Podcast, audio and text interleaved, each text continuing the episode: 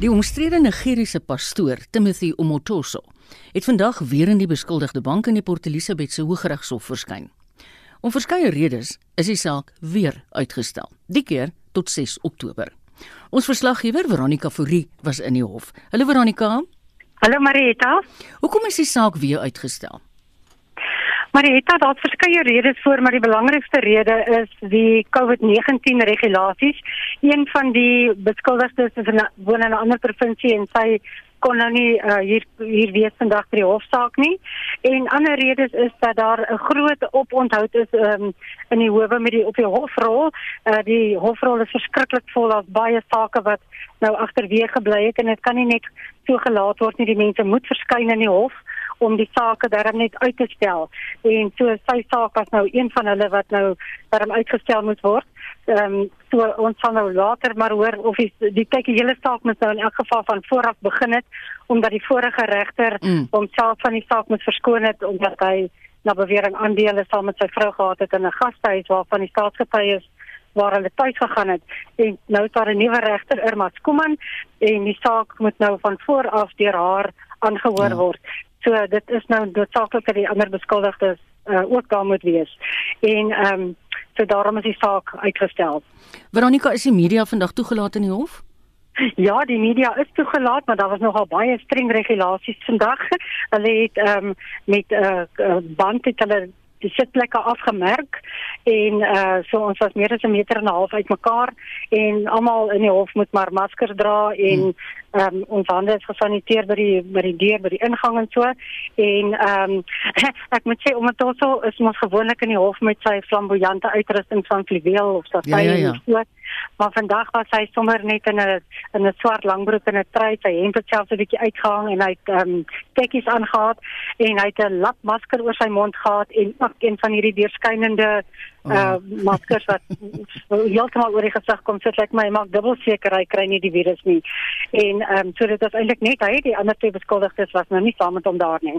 Daar's gewoonlik uh, groot steun vir Ometos so binne en buite die hof was dit vandag weer die geval. Nee, dit was glad nie so nie. Ons vermoed die ondersteuners het seker maar gehoor dat dit net 'n uitstel sal wees. So ja. en dan en ek dink ook die ander rede is dat uh, weens die COVID reëlings mag dan ons nou nie groepe mense bymekaar kom of groot groepe bymekaar kom nie. So daar was geen um, steun vir hom buite die hof nie en binne in die hof is regtig net mense wat uh amptdraers is of die media of so wat toegelaat is. Veronica baie dankie. Dit is ons verslaggewer in die Oos-Kaap, Veronica Fourie. Die kragvoorsiener vra dat Suid-Afrikaners elektrisiteit spaarsaam gebruik nadat 6 van Eskom se kragopwekkers gister weens kortsluitings onklaar geraak het. Eskom het boonop vandag bevestig dat een van die nie uitvoerende direkteurs van die Eskom Raad, Sifiso Dabengwa, bedank het. Marlene Forsie het meer besonderhede. Dabengo het sy bedankingsbrief verlede Vrydag reeds aan die minister van Openbare Werke, Pravin Gordhan, gestuur. Die raad se tussentydse voorsitter, professor Malega Puru Makhoba, het hom in 'n verklaring vir sy bydrae tot die kragvoorsiener bedank. Meer as dit kon die SAK nie uit Eskom kry nie. Leidens berigte het hy egter sy tasse gepak weens onenigheid oor die kansellasie van 'n tender. Intussen word inwoners gewaarsku om nie onnodige druk op die kragnetwerk te plaas nie, want behalwe vir die 6 kragopwekkingseenhede wat weens kortsluitings uitgeskakel is, is die gebruik van 3 ander eenhede vertraag. Eskom se nasionale woordvoerder, Sikonati Manchancha, sê een van die 6 eenhede by die Mayuba-stasie is egter herstel. Eskom teams are working hard at uh, returning the other units to service. We have lost a generation unit each at Majuba, Tutuka, Henrina, and Tuva Power Station. The return to service of one each at Matla, Kendall, and Tutuka Power Stations have been delayed. Should there be any additional breakdowns, this will compromise ESCOM's ability to supply the country through the peak. We urge the people of South Africa to help us by reducing power usage. Dit was Eskom se nasionale woordvoerder Sikonati. Hy het egter nie gereageer op Spectrum se navraag oor die moontlikheid van beurtkrag nie. Ek's Marlene Forsie vir SAK nuus. Soos ons vroeër in die nuus gehoor het, het die internasionale monetêre fonds Suid-Afrika se aansoek om 'n lening van minstens 70 miljard rand toegestaan. Die besluit het gemengde reaksie uitgelok. Die EFF kritiseer die lening en sê onder andere die betrokke voorwaardes gaan die land se soewereiniteit wat die makro-ekonomie en beleidssoewereiniteit betref ondermyn. Die Instituut vir Rasseverhoudinge het ook kommentaar gelewer op die lening en die instituut se adjunkhoof van beleidnavorsing, Herman Pretorius, sluit nou by ons aan. Hallo Herman. Goeiemiddag Marieta. Julle het die afgelope 2 maande met verskeie IMF skenkers gekommunikeer oor die toestand van so lening aan Suid-Afrika. Wat het dit behels? Wel, eh, dit was eh uh, kommunikasies uh, hoofsaaklik natuurlik skriftelik as mense in hierdie tyd uh, met mense wil kommunikeer, dit e-pos en so die maklikste, maar ons het ehm um, deur verskeie fases, eerstens deur uh, plaaslike ambassades en ambassadeurs, tweedens deur die VN se Menseregte Kommissie derde probeer direkte kommunikasie aan wetgewers in hierdie lande en oppositieleiers en skadeministers en so aan. Um, stelselmatig uiteengesit uh, dat die toestand waarin Suid-Afrika homself bevind die rede dat ons hierdie EMF ondersteuning nodig het is direk verbonde nie net aan die COVID-19 situasie maar aan 'n dekade van ekonomiese besluitneming wat as dit ware die land se 10 jaar al in 'n staat van ekonomiese inperking gelaat het. En ons kommunikasie was net om te sê as hierdie geld toegestaan word, hierdie hulp toegestaan word soos wat ons glo dit moet, moet daar duidelikheid wees oor wat dan die gevolge sal wees en die EMS internasionale moet bewus wees van watter foute Suid-Afrika in hierdie krisissituasie van vele krisisse laat beland het. Daar is onsekerheid oor die voorwaardes verbonde aan die lening, maar ons weet wel dat die IMF e 'n waarskuwing aan Suid-Afrika gerig het.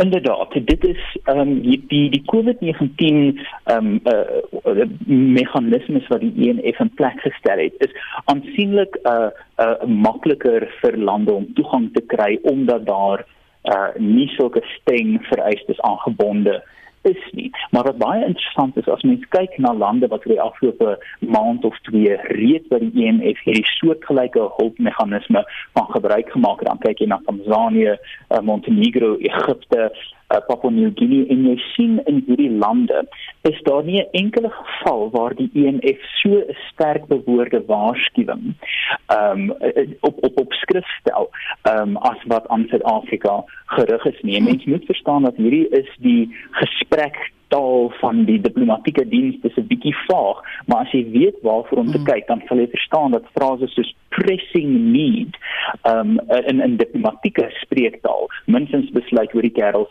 trek julle sokkies op nou.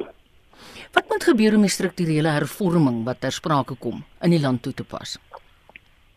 Die mees bevredigende element van die EMF se toestaan van hierdie hulp aan Suid-Afrika is hulle gebruik van die frase growth enhancing structural reforms. Nou daai frase het 'n kerndeel gevorm van ons kommunikasie met hierdie EMF skenkerslande. Ons het gesê 'n uh, groei onderhoudende of groei ondersteunende strukturele hervormings moet eenvoudig kern wees aan enige Suid-Afrikaanse ekonomiese beleid vorentoe. So die eerste mees bevredigende element is dat dit lyk asof ons wel hierdie eerste stapie van sukses bereik het om hierdie waarskuwing tot hierdie meganisme toegevoeg te kry. Nou hoe lyk daai dinge in praktyk? Wel, dit is die uh instandhouding van eiendomsregte. Want uh, eiendomsregte vorm die basis van handel, handel vorm die basis van enige gesonde ekonomie. Tweedens, besnoeiings in die publieke sektor se belastingsalarisse check ag ag nie belastingsalarisse check nie die geld wat deur die belastingbetaler in die publieke sektor se salarisse ingedompel word dan ook die intoomtrek van uh, staatsbeheerde instansies soos Eskom, soos SAA waar jy nie hierdie absurditeit sien van 10 miljard rand wat aan 'n lugredery gegee word terwyl klein sake en medium grootte sake in mm. Suid-Afrikaners regtig swaar kry nie. Herman, dink jy Suid-Afrika gaan daarin slaag om hierdie bedrag terug te gee aan die IMF of gaan ons sien dat die land toenemend afhanklik raak van lenings? Dit hang af. Dit hang af van of die nodige strukturele hervormings in plek gestel word. Dis nie die eerste keer wat Suid-Afrika in so 'n tipe situasie is nie. As mens kyk na die middellaat 90s, um, sien mense soortgelyke fiskale on onstabiliteit in Suid-Afrika. En die Mbeki regering um, het, het het besef wat dit beteken en het amper uh, uh, uh, die die vereistes wat 'n ENF reddingsboei op Suid-Afrika sou afdwing in antisipasie van so 'n reddingsboei aangeneem en ons sien die resultate daarvan in 10 jaar van baie suksesvolle ekonomiese aktiwiteit in Suid-Afrika wat natuurlik kombineer in 'n begrotingssurplus in 2007 en 2008 mm. en BBP groei noord van 4 en 5%. So dit hang af. As ons die nodige strukturele hervormings in plek stel soos wat die Mandela en Mbeki regerings gedoen het in die laat 90s, kan ons onsself groei in 'n posisie om hierdie skulde af te betaal. Indien nie, wel dit is 'n donker keuse. Herman, wat is daar by die instituut julle gedagte van die EFF se kommentaar oor die lening? Ons dink dit dit weerspieël 'n uh, 'n uh, duidelike ideologiese blindheid um aan die suksesse wat reeds in Suid-Afrika behaal is. Mens kan kyk na die afgelope 30 jaar van die Suid-Afrikaanse ekonomie en dit amper netjies verdeel in drie kategorieë, drie tydsvlakke. Jy het die 70s en 80s waar BBP groei in Suid-Afrika drasties um ritmies was tot die wêreld se BBP. Dan sien jy die hervormingstydperk in die 90s en vroeg 2000s waar die nodige ekonomiese besluite geneem is deur Mbeki en Trevor Manuel om die Suid-Afrikaanse ekonomie in lyn met die wêreldekonomie te kry en hulle uh, wys dan die suksesse daarvan. 4 miljoen swart werknemers in Suid-Afrika word 9 miljoen swart werknemers in Suid-Afrika. Vir elke tydelike uh, shack wat gebou word, um, word 10 permanente huise se huisstrukture gebou. So mense sien daai sukses van omtrent 1996 tot 2008. Dan kom die derde fase waar die beleidsrigting by Polokwane uh heeltemal 'n ander rigting inslaan en 'n baie meer uh, gesentraliseerde ekonomie vorm aanneem. En dit is duidelik dat die ENF se uh, kritiek op hierdie huidige situasie ideologies is want hulle weier eenvoudig om die suksesse te sien ja. wat sinvolle ekonomiese beleid reeds vir die land opgelewer het in die 10 jaar waar EM ja IMF tipe omstandighede deur die regering op Suid-Afrika afgedoen is. Is daar enigiets wat betref hierdie lening waaroor jy bekommerd is in die stadium? Kyk, daar is natuurlik die groot vraag. Hierdie lening is in 'n uh, dollar geldeenheid. So die die uh, sterkte van die rand oor die volgende paar jaar gaan 'n groot invloed hê oor of hierdie leningslas swaarder of ligter word en op die einde of dit bekostigbaar gaan wees. Maar hierdie tipe uh, uh, nagevolge is baie baie verwant aan die regering se ekonomiese besluitneming tans as die regering tans doen wat die Mbeki Mandela regering kon doen. Nie dat hulle foutloos was nie, daar was baie foute gemaak ekonomies en veral ek dink op vlak soos Eskom, maar as hulle verantwoordelik kan omgaan met staatsbesteding, as hulle verantwoordelik kan omgaan met kwessies soos Eskom en hulle kan die mark weer toelaat dat die Suid-Afrikaner werklik sy gemeenskap so maklik as moontlik vir monetêre remunerasie dien dan sit ons in 'n situasie waar die dollar geldeenheid lening nie die groot bedreiging inhou wat dit kan nie. Maar as die ekonomie en die rand verswak, dan word ons amper getref deur twee houe wat maak dat nie net is die skuld op sigself 'n swaar las nie, maar die feit dat dit dollar gedenomineerde mm. mm. skuld is, dit al die swaarder maak. Baie dankie Herman, dit was Herman Pretorius van die Instituut vir Rasseverhoudinge se adjunkhoof van beleidsnavorsing. As jy later ingeskakel het op Spectrum, ons praat op die oomblik oor die internasionale monetêre fonds wat Suid-Afrika se lening van 70 miljard rand toegestaan het. En ons praat nou verder oor hierdie onderwerp met Optimum Belegging Groep se ekonomiese raadgewer, Dr. Rolof Botha. Hallo Rolof. Goeiemiddag Marieta. Jy het nou net gehoor wat Herman van die Instituut van Rasseverhoudinge sê oor hierdie lening. Stem jy saam? Ja, uh, ek ek dink ek het al ooit eintlik wesentlik van Herman verskil nie en hy het uh, 'n regtige 'n baie goeie opsomming verskaf, maar ek, ek wil hom 'n bietjie gerusstel met daai laaste vraag wat jy vir hom gevra het. Ehm um, die rand is volgens uh, ons berekeninge by by optimum met 'n maandelikse basis doen, uh, wat die rand einde Junie ek moet nog wag tot Vrydag vir my uh, Julie berekening was hy 21% onderwaardeer uh, in reële terme gemeet aan sy langtermyn gemiddeld. So uh, ons tydsberekening is nie te sleg nie. Ek ek glo dat ehm um, die rand kan uh, verder versterk in in die komende maande en selfs jare. Hy het by twee vorige geleenthede in hierdie tydperke die wat Herman genoem het, het hy uh, oor 'n tydperk van 2 meer as 2 jaar het hy versterk. So uh ek ek hoop daar's ook vir ons goeie nuus, maar dan sal ons uh juist moet doen wat wat die EMF gesê het, jy weet daai daai wat hy genoem het van die pressing need. Mm. mm. Wat is jou opinie oor die lening? Ek dink ons moet partytjie hou. Uh ek weet nog kry. Ek laas gesoek uh, na rooiwyn. Ja, ek het die darm intussen gekoop voor hulle nou weer as toegemaak het. Goed. Uh, maar ek drink nie so baie nie, net so af en toe. Mm. Uh, saam met my ete in die aand. Maar ehm um, daar's nou rede om 'n goeie bottel oop te maak want uh regtig is uitstekende nuus. Dis 'n dis 'n redelike klomp geld. Uh dit kom met byna geen voorwaardes nie. Ons moet net uh natuurlik uh dit terugbetaal uiteindelik en soos ek sê as die rand sterker word, dan was dit uh eintlik 'n winskoop. En wat nou gebeur en en dit is hoekom daar nou so 'n uh, ophef gemaak word is dat die die twee kampe in die ANC en 'n mens moet uh, ongelooflik naïef wees om nie te besef dat daar woed 'n stryd binne in die ANC mm. al vir jare lank. Mm. Tussen mense soos Ramaphosa, Peter Mboweni en Trevor Manuel en ek baie bly Erman verwys na, na Trevor Manuel ook. En natuurlik hierdie ander klomp. En ons kan aan baie byvoeglike naamwoorde dink wat ek nou nie op die lig kan sê nie. en uh jy weet nou gebruik hulle woorde soos neokolonialisme en jy weet woorde wat hulle nie verstaan nie en ja. wat nie bestaan nie. Daar bestaan nie so iets nie. Nou daar's vandag 'n keuse tussen 'n beleid wat wat wat sin maak, wat sorg jy fiskale en monetêre stabiliteit het en dit is nie baie moeilik om te verstaan nie.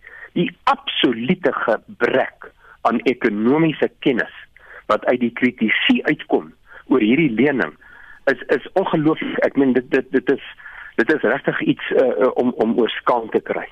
Ek het net nou gehoor jy voel redelik sterk oor die voorwaardes wat aan hierdie lening verbonde is. Hoekom voel jy so sterk? Wel, ehm um, ek sou eintlik wou gehad het daar moet meer voorwaardes wees. Daar was daar is geen voorwaardes nie. Daar is net hierdie waarskuwing en in indien ons in die toekoms, indien ons nie nasionale tesourie se nuwe groeiplan implementeer nie, dan sal ons, dan sal hierdie land binne 2 jaar dat die IMF toe moet gaan vir 'n veel groter lening met baie voorwaardes. Op die oomblik is daar geen voorwaardes nie en dit is hoekom ek sê dat dit is absurd mm. dat mense iemand wat kritiek lewer uh op op op op hierdie uh, op hierdie lening of, of ek sê nou is geen voorwaardes nie. Is iemand wat werklik uh, waarskynlik nie ehm um, graad graad 1 rekeningkunde deurgekom het nie, hulle het miskien nog nie rekeningkunde daar nie. Ehm uh, want daar is geen voorwaardes nie. Die die nasionale tesourie se nuwe groeiplan is presies wat die IMF wil hê ons moet implementeer. Uh ons moet dereguleer, die staat moet nouer saam met die private sektor werk, ons moet die munisipaliteite regkry met die regte ja. vaardighede ja. en en ons en hulle moet ophou speel en bedrog pleeg. Rolof, wat is die gevare verbonde aan so 'n groot lening? Wel, Herman het gesê dat as die as die rand sou verswak, weens een of ander rede oor die volgende 'n eh, klompie jare dan dan sal dit ons 'n bietjie meer kos as wat ons andersins sou.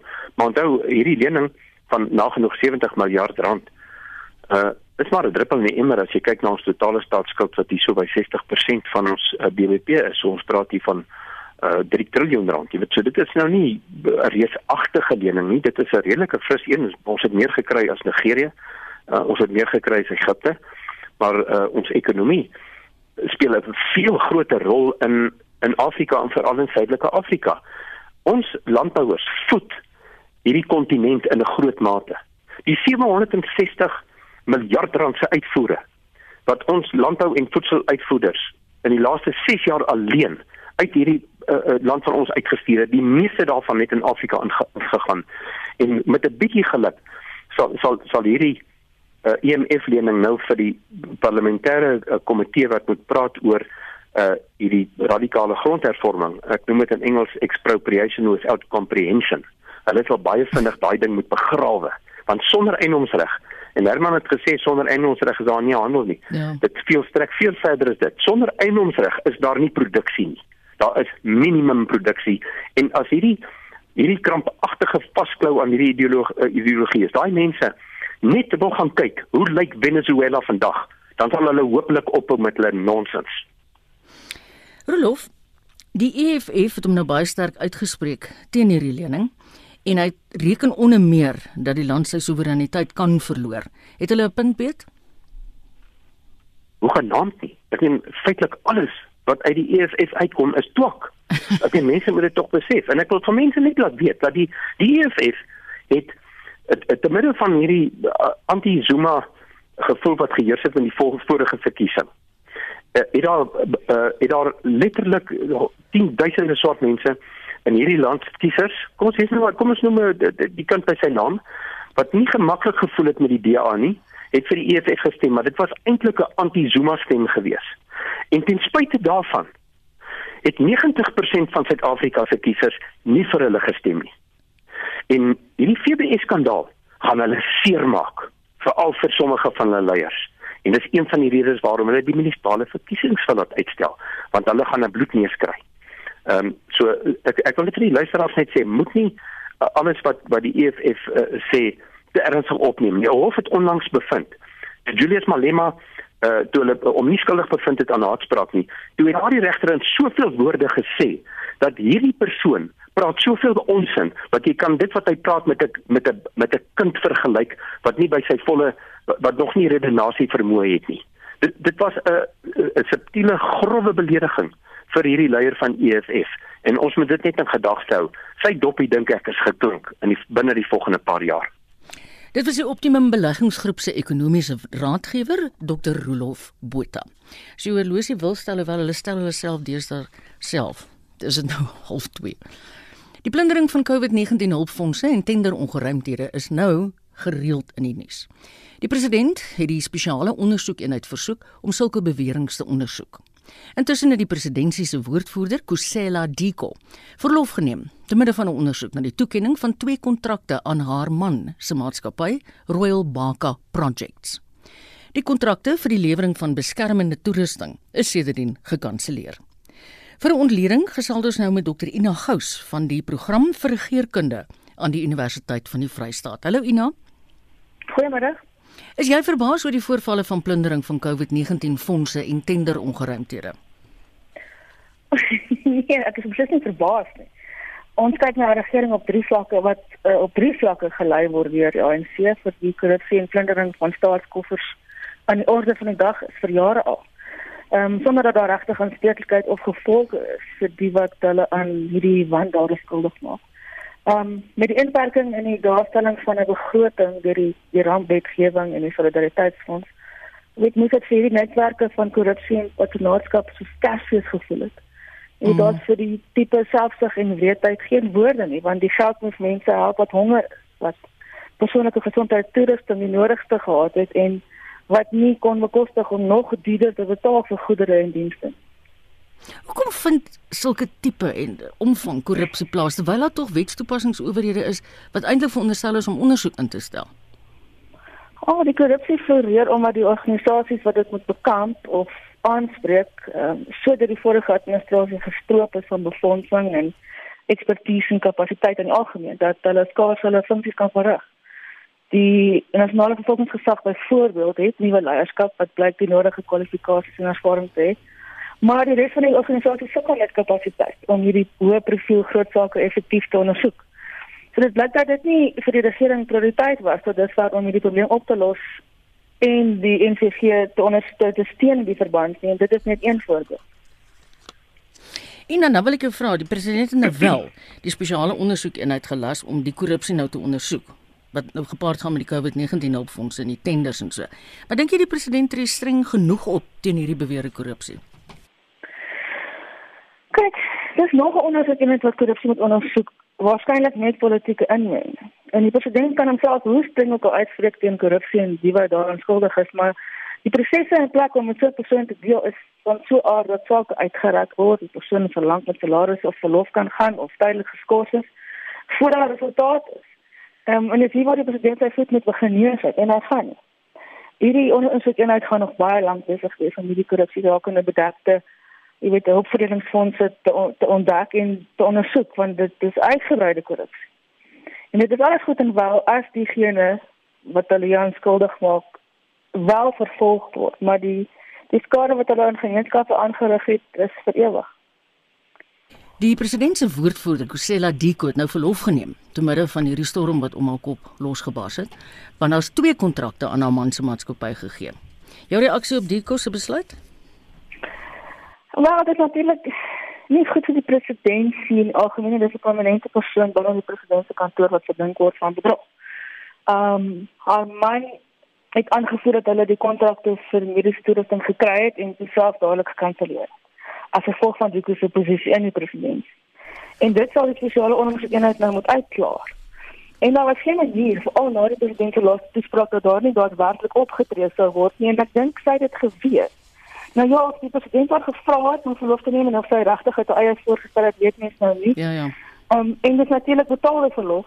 Hulle ja, natuurlik. vinnige Hulle beloof 'n vinnige ondersoek maar hierdie goed neem maar tyd en baie bewyse en papier het verdwyn en die geregtigheid geskied nie teen die Wes-Afrikaner graag sou wil sien nie, naamlik iemand in 'n hof skuldig bevind en opgesluit. In hierdie geval is net jy twee kontrakte uit 90 kontrakte wat hmm. dit van ondersoek moet word in Gauteng alleen. So. Die DA en die EFF vra dat die president en die spesiale ondersoekeenheid hierdie spesifieke geval moet ondersoek. Wat behoort Ramaphosa self te sê of te doen oor hierdie geval? Die DA en die EFF vra vir iets wat moet gebeur en wat my aanbetref vir elke lede persoon departement en organisasie betrokke is by hierdie korrupsie. Ehm um, die president moet aandring op vinnige ondersoek en daadwerklike optrede indien sy byvoorbeeld in 'n man skuldig gevind word. En hy moet by langtermyn begin kyk en begin sorg dat organisasies gemoeid is met wetstoepassing en hulle werk behoorlik begin doen, die kapasiteit het om die werk te doen. En dat daar waar binne prosesse nie gevolg is nie, diegene verantwoordelik gehou word en dit hulle verwyder word uit die administrasie sonder versuim. En ek is egter baie skepties of dit wel sal gebeur. Dankie Ina, dis dokter Ina Gous, sy is van die program vir regeringskunde aan die Universiteit van die Vrystaat. Die lijk vermoedelik van een van die vermiste vroue van Hartswater is vroeg vanoggend na 'n groot soektog gevind. Die soektog is geloods toe vriende van die brandgesin hulle nie telefonies kon bereik nie en haar onraad by hulle huis opgemerk is. Ons praat nou met Marius Miller van die burgerregte organisasie AfriForum wat aan die soektog deelneem. Goeiemôre Marius. Goeiemôre Marita. Wie is die lede van hierdie gesin wat vermis word? So maar net op hierdie stadium is dit die pa Daniel Petrus, hy's 82 en die moeder uh, Elisabeth Brandt, sy's 73 op hierdie stadium. Hoe het hulle agtergekom daar's onraad? Wat het hulle by die huis gekry? So toe, toe die vriende by die huis opdaag kon hy nou onmiddellik sien maar hier's nie 'n voertuig by die huis nie, ah. nommer 1 en nommer 2 Die deur was basies oop en toe hy instap, dis sien hy maar hier is chaos. Die die huis is omgegooi daar was bloed binne in die huis gevind en toe hier by rondom 6uur gisteraand toe kom die boodskappe deur van 'n moeilike plaasaanval Hartswater Noord-Kaap en toe begin ons deel te neem en ons versprei die woord en ons kry artikels uit en ons afveer die nodige rolspelers wat dan by die toneel moet uit. Is daar al bevestiging? Ons eenheer nuusbulletin het gesê dit is waarskynlik die lijk van hulle dogter wat 50 jaar oud is wat hulle in die veld opgespoor het. Is daar bevestiging dat dit is?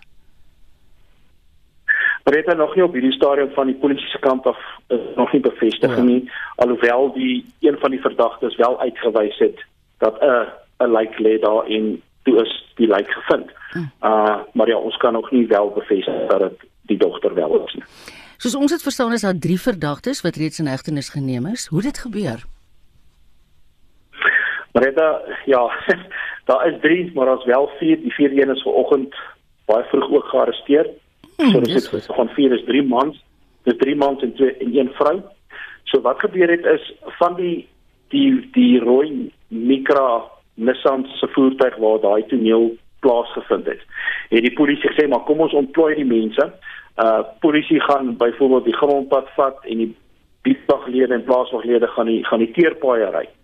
En die spesifieke beerdwag lid sê toe maar hy gaan direk na die Taung area toe ry wat nou aan die kant die noordwes grens is. want hy hulle bly daar so hulle mm. die die misdaad wat van daai kant af kom. En 'n paar kilometer gery en 'n silwer kar het verby hulle gekom. En die spesifieke hulle gesê maar wag, kom ons draai om en ons kyk waar toe gaan hierdie silwer voertuig. Mm. Hulle kry die registrasienommer, hulle stuur dit weer na die die K9 eenheid wat op toneel is wat saam met hulle na die soektog is. Besig nie is en die voertuigregistrasie wat op die voertuig is kom terug as dit bestaan nie. Daai registrasie moenie bestaan nie. En hulle kry toe die K1 uit om die voertuig te stop en die vier verdagtes of drie verdagtes word binne in die voertuig gearresteer en dis die, die silwer Mazda wat ons nou van 6 uur afgesoek het en dit ja. was rondom by 11 uur gisterand. Sjoe, en wanneer het julle die vier een gekry sê vroeg vanoggend? Vroeg vanoggend ja. Hoe dit gebeur? Vroeg vanoggend. Al weer eens ehm um, daar was vier mense binne daai voertuig. Nou uh die spreker van uh kommissaris Setole uh, was nu uh Naidu uh is besig met die, met sy finale verklaring hopelik. Hierdie man was saam met daai mense in daai voertuig. En met die rondgeskuif van een toneel na die ander toneel mm. het hierdie verdagte ontsnap. Ek sien. En hy is vroeg vanoggend is hy weer gearresteer. Goed. En dit is waar die vierde verdagte vandaan kom. Marius en ga ek aanvaar hierdie ondersoek gaan nou voort. Maar net op hierdie stadium gaan hy voort. Hy's net op 'n op 'n haltstadium geplaas uh binnekringe wat ons ontvang het is dat van die van die verdagtes het nou vol erken ten opsigte van die moord ensovoorts ensovoorts. Mm. So so hulle het nou hulle het nou regte So hulle gaan nou DG distriks uh, geneesheer toe om 'n vol ondersoek te doen dat hulle nie gemartel of geslaan is om dit te beteken om vol te erken vir vir wat gebeur het nie en dan landros moet afteken en dan twee verskillende polisiebeamptes. So uh, as ek ek dink Vryburg is die naaste en dan die ander een is uh Christiana. Mm. Die polisiebeampte stuur van die speurafdeling hoor as 'n kaptein en hulle moet dan hierdie verdagtes vat vir die volgende uitkenning ten opsigte van waar hmm. die ander lyke. So op hierdie stadium wag ons net vir dit en as ek seker is as ek nou bel gaan hulle sê weer begin. Goed. Baie dankie Marius, ons sal sekerlik môreoggend of môremiddag weer met jou gesels. Dis Marius Miller van die burgerregte organisasie Afri Forum. Hulde blyke stroom in na die dood van Dr David Piet, Die 80-jarige is gister aan COVID-19 verwante oorsake in George oorlede. Dr Piet word beskou as 'n Afrikaanse aktivis, struggle-veteraan en ikoon in die onderwyskringe. 'n Persoon wat hom baie goed geken het is Dani van Wyk, die bestuurder van die Suid-Afrikaanse Onderwysontwikkelingstrust in die Wes-Kaap. En Dani sluit nou telefonies by ons aan. Goeiemiddag Dani. Goeiemiddag Mariette en luisteraars. Kyk, ek is seker onnodig om te vra, maar hoe voel jy oor jou vriend se afsterwe? Jong, die gevoel is onbeskryflik. Uh, sy dood is 'n baie groot skok en 'n slag vir ons almal in die gemeenskap van Oudtshoorn. Dorp is werklik waar in rou gedompel, Marita. Ek is uh, David David was 'n bekende persoon hier. Hy sy naam was sinoniem met Oudtshoorn. As jy van Oudtshoorn gepraat het, het jy van David Piet gepraat en omgekeerd. Mm. So jy reeds genoem het was hy 'n voorware ikoon en 'n legende, 'n veteraan en 'n geliefde persoon met 'n gesonde sin vir humor. As jy dink aan die staaltjies en die verhaaltjies en grappies wat hy altyd vertel het, kan jy nie anders as om daaroor te lag nie. David was eenvoudig net enig in sy soort man. En sy nalatenskap sal vir baie jare gekoester word. En sy bydrae tot die gemeenskap van Oudtshoorn gaan nooit vergeet te wees nie. In Oudtshoorn Mariette was hy bekend as Meester Piet. Voorware meester, 'n meester in vele opsigte. Hy het ook sy um, merk gemaak as 'n vryheidsvegter, behalwe dat hy 'n gemeenskapsleier is. Ja, beslis. Hy en sy ek onthou hoe en sy swaar regie oorlede regie gefund. Betrokke was by die stigting van die Saamstaan gemeenskapsorganisasie in Bridgton in Oudtshoorn. Hm? Nou daai organisasie was as 'n bedreiging vir die apartheid regering gesien en hy was voortdurend onder vergrootglas van die destydse veiligheidspolisie. Sy so, is as 'n ontmoetingsplek waar ons baie vergaderings gehou het om beplanning te doen en 'n weg vorentoe te bepaal. En David het hy groot verskil gemaak in baie mense se lewens en in die gemeenskap veral van Bridgton en Ongoleto in Oudtshoorn. Danie, ons weet nou hy is oorlede aan COVID verwante komplikasies, maar het hy ander onderliggende siektes gehad? Nie waarvan ek bewus was nie, maar hy David was 'n baie persoon. Hy het gereeld gestap. Hy was vier skietstig op 'n lang man met hmm. lang tree gegee. Hmm. Hy het elke oggend gaan stap hy en sy vrou Margie en ek kan nie vir jou sê vir David was 'n fikse persoon. En dit is hoe ons so vreemd dat hy so skielik ja. uh uh net aan hierdie uh uh virus of of of van die virus om op met man. Yes, like it. Ek sê vir ons ons is, ons ons kan dit nie glo nie. Ek kan dink julle is verslae. Ek weet dokter Piet was ook 'n direksielid van die KAKNK want die organisasie het gesê hy was letterlik 'n mentor en 'n inspirasie soos jy nou ook sê vir mense wat hom ontmoet het. Watter sleutelrol sien jy het hy gespeel by die KAKNK? As 'n mens kyk na Afrikaanse kuns en Afrikaanse literatuur. Maar dit sou sê David was een ons weet David was een van die stigste verlede van die Klein Karoo Nasionale Kunstefees KAKNK en hy het vir 6 jaar daar as direksie lid direksie lid gedien en waarvan hy op 'n stadium ook later voorsitter was. En David se nalatenskap by die KNK betref is die volgende dat hy was so versoenend en hy het gevoel dat sy betrokkeheid by die KAKNK tot groter aanvaarbaarheid van die hele Afrikaanse gemeenskap moes lei. Vir hom was dit werklik 'n prestasie en 'n eer om die gemeenskap wat aanvanklik baie krities en soms skepties was tot ander insigte te bring. Ek onthou hoe hy byvoorbeeld destyds vir president Mandela Mbeki na die fees genoem genoem het. Ehm um, dit was uit 'n uit Afrikaanse mens. Hy het 'n boek getiteld Behoud en Bewaar in 2015 gepubliseer waarin hy volledige ervarings en groot word jare sorry in Oudtshoorn beskryf het. Dis sy inspirerende en onvergeetlike nalatenskap, 'n deel van ons stad, sou ek sê. En een van David Piet Marietta, hy was welsprekend en kon hom baie duidelik ja, in Engels en Afrikaans uitdruk. ek onthou dit baie goed. Ja, hy was 'n gesogte geleentheidsspreker en sy liefde vir sy moedertaal Afrikaans kan nooit ontken word nie. Afrikaans het by David die taal van versoening geword deur sy leiding en deur sy leiding in die KAKNK en die KPO die beste Kaapland se professionele onderwysers waar hy 'n uh, uh, uitvoerende bestuurslid was. Ja, maar hy, hy was 'n hoë boom ook in die onderwys, né? Ja, beslis. Hy het dus 'n uh, uh, uh, behoue dat hy hy, hy was natuurlik baie vervolg deur die bestiese departement van onderwys en kon hy geen bevordering kry in die onderwys nie. Hy was hy was na 1924 ag ja, maar 1994 kon hy daarin slaag om uiteindelik 'n prinsipaal van 'n skool te word, Courage Premier daar in Oudtshoorn en uiteindelik toe ook uh kon dien as 'n kringbestuurder in die Suid-Kaap. Man ons hier by Spectrum, selfs ons sit ons program monitor, ons is baie jammer vir Oudtshoorn en dan nou vir sy vriende en familie se verlies. Baie hmm. dankie Dani. Ja. Dis Dani van Wyk. Dani is die bestuurder van die Suid-Afrikaanse Onderwysontwikkelingstrust in die Wes-Kaap.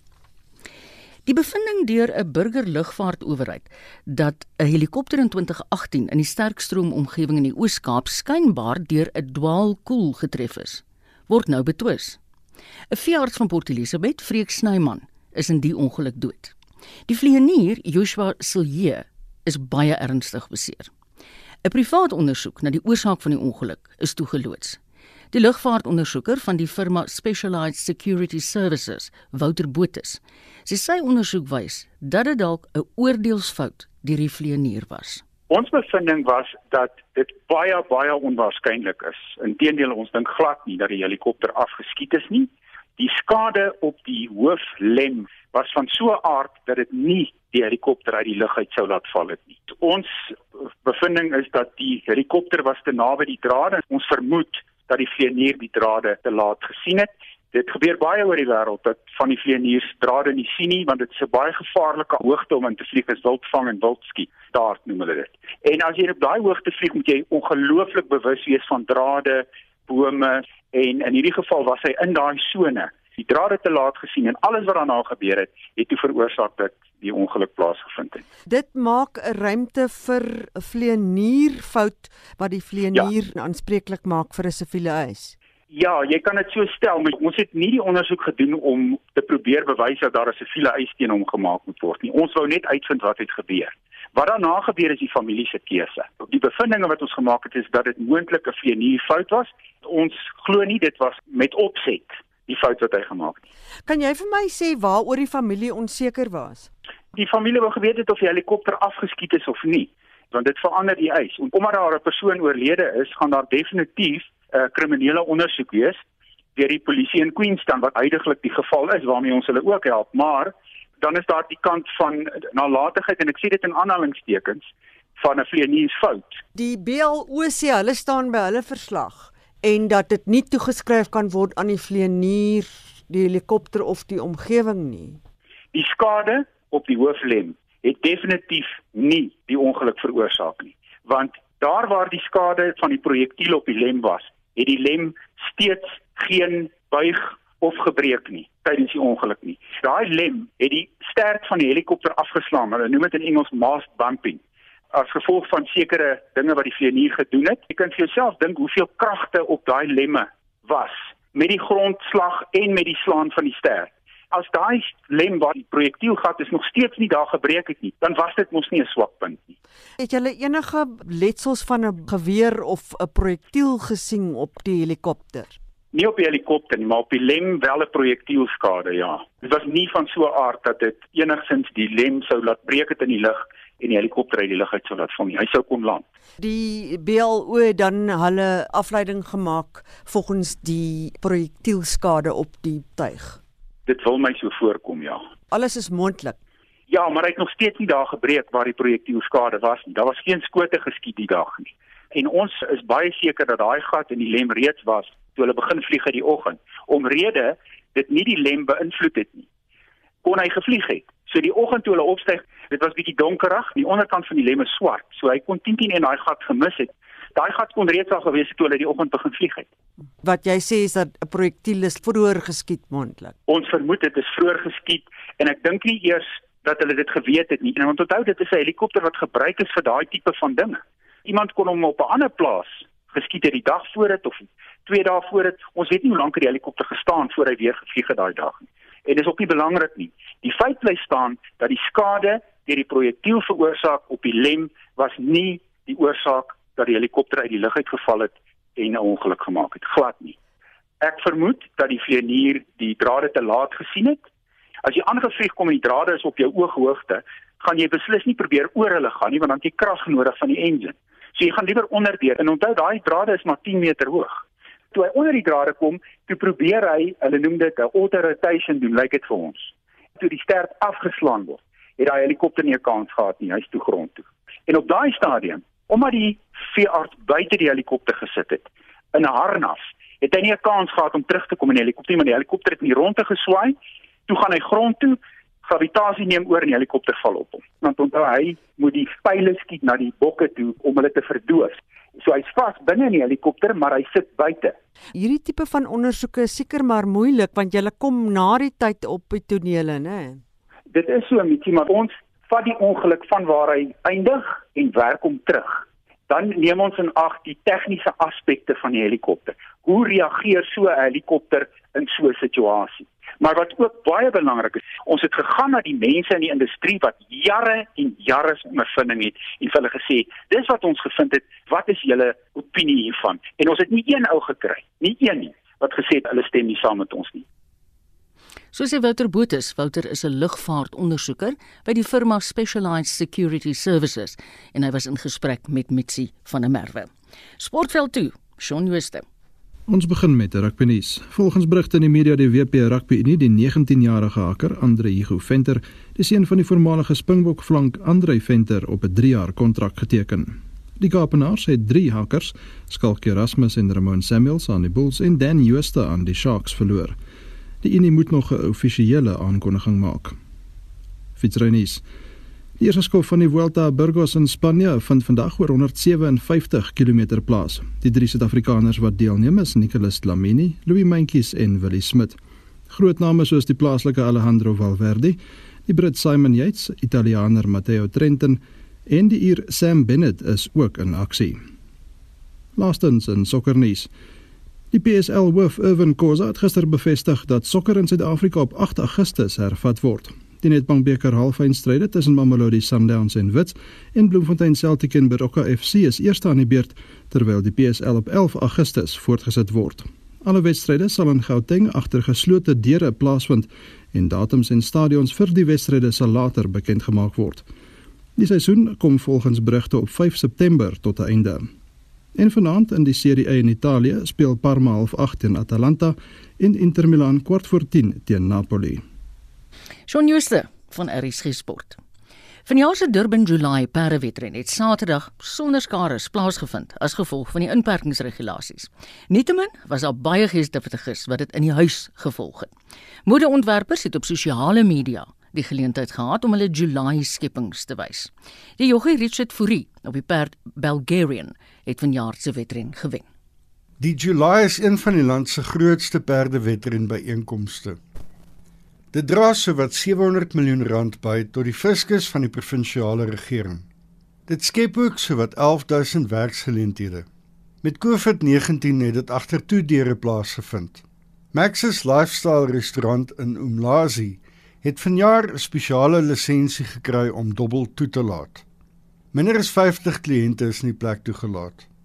Die bemarkingsbestuurder van die restaurant, Zinhle Mgadi, sê die tydelike dobbellisensie het hulle kliënte die geleentheid gebied om steeds op die perde te wed, al was hulle nie self by die renbaan nie. We're very excited, so happy that we've been given this chance. I mean, as you said, that this is obviously making history because we are a black business in the township and, you know, being the first to get a license um, in the township to host the betting for the Durban July, which is a really big deal. Most importantly, because right now we're in the middle of a pandemic and people cannot go to the race to actually watch and bet there. So we're always looking for new ways ways to bring new features into our business for the community so they they can be closer and come and bet here. Moedigeesdriftiges en ontwerpers het sosiale media ingespan om hulle nuutste skepings te wys. Die July is steeds 'n gewilde byeenkoms. Although I don't know much about horse races, my sister here is the one educating me about this sport. Die Gold Circle wat die Vodacom July reël, sê hulle glo hulle sal in 2022 weer op hulle voete wees. Hulle het baie geld verloor omdat die geleentheid agter toe deure moes plaasvind. Gold Circle se bemarkingsbestuurder, Steve Marshall, sê die talle mense wat wel die wedren gevolg het, het tog 'n inkomste gebring. The exposure for sponsors also, which uh, they would normally have got from those 50,000 people on course and doing activations on course, won't be there this year. So the result is that the sponsorship revenues are decreased this year as well. The COVID 19 pandemic as a whole, on the effect that it's had on Gold Circle as the horse racing operator here in KwaZulu Natal, we are going to be posting substantial losses this year. That's not just because uh, of the situation now. Um, obviously, we had the lockdown for two months where we didn't race, and there is a lag effect with us not getting back to our previous revenues in the immediate future. Die wenner was Richard Fourie op Bulgarian. Tweede was Got the Green Light en derde was die gunsteling Do It Again wat in 2018 en 2019 gewen het. Hierdie bydra van Vanelle Mkadi in Durban en ek is Hendrik Martin vir SAK nuus. Die kwessie van die onwettige deportering van vyf Zimbabwese burgers deur senior amptenare van die Valke was 'n sentrale tema van die kommissie oor staatskaping wat gister hervat is. Die voormalige minister van polisie, Nathien Kleko, het oor sy hantering van die saak getuig. Kleko sou die voormalige hoof van die onafhanklike polisie ondersoekdirektoraat, Robert McBride, by die kommissie in kruisverhoor neem, maar McBride het meer tyd gevra om voor te berei. McBride het onder meer beweer dat Nhleko daarop uit was om mense uit sy departement te verwyder wat nie sy oogmerke sou bevorder nie. Hy het ook beweer dat Nhleko 'n veroordeelde bedrieger uit Zimbabwe as sy stafhoof tydens sy termyn as minister aangestel het. McBride moet 3 vrae vir die kommissie beantwoord. So het sy regsverteenwoordiger, Catherine Harding, dit aan die kommissie verduidelik. He is in principle available to do all three cross-examinations on the 13th, but the effect of this affidavit would be to to seek to be excused from today's proceedings and the 29th. And for the 13th, he is fine. He is available and, uh, for the 13th. And then I guess uh, another date that will be determined for all the evidence uh, for his appearance relating to Mr. Nklego and to somebody else later in this week. Die kommissie het toe voortgegaan om die getuienis van Nklego aan te hoor. Maar eers het sy regsverteenwoordiger, William Nkari, 'n klagte ingedien oor die behandeling wat sy kliënt glo van die kommissie ontvang. When he made follow-ups as to when will he be given an opportunity to put his side of the story given the serious impact the allegations that were made by Mr. McBride to his career prospects and that he's unable to find a job as a result of that. He was told that he should wait and that he will be told until when Mr. Nhleko threatened legal action against the commission that he would rather go to court to compel the commission to treat him fairly. Die getuienisleier Garth Halley het in Nhleko uitgevra oor die verwysingsgroep van 5 lede wat hy aangestel het kort na sy termyn in Mei 2014 begin het. McBride het in sy getuienis na die groep as 'n moordbende verwys met die uitsluitlike doel om ontslae te raak van amptenare wat Nhleko nie gesteun het nie. Nhleko sê egter die groep se doel was om die kwessie van die onwettige deportering van Zimbabwe se burgers te hanteer. Die verwysingsgroep het gevind dat Opel twee verslae oor die saak voortgebring het. The issue raised by the reference group was how come you had one report with the body of it, you know, by and large similar to the other one, but with a different set of recommendations as opposed to the second one. For an example, the first one, referred to the implicated pe- people as needed to be prosecuted. But in the second one, there is then a, a different recommendation that exonerates those particular people who are implicated in the first. And, and therefore, the critical question was how come you had such a situation? Hierdie bydraes deur Busi Chimombe van ons politieke redaksie verskaf en ek is Hendrik Martin vir SAK nuus. Dieselfde Hendrik is ook die algemene gitaarslater vandag by hierdie program gewees. Frikkie Wallis het gesorg dat ons klank het. Ek is Marieta Kreer. Geniet die res van die middag met RSG. Martie staan reg met die 2 uur hooftrekke. SAK nuus. Onafhanklik, onpartydig.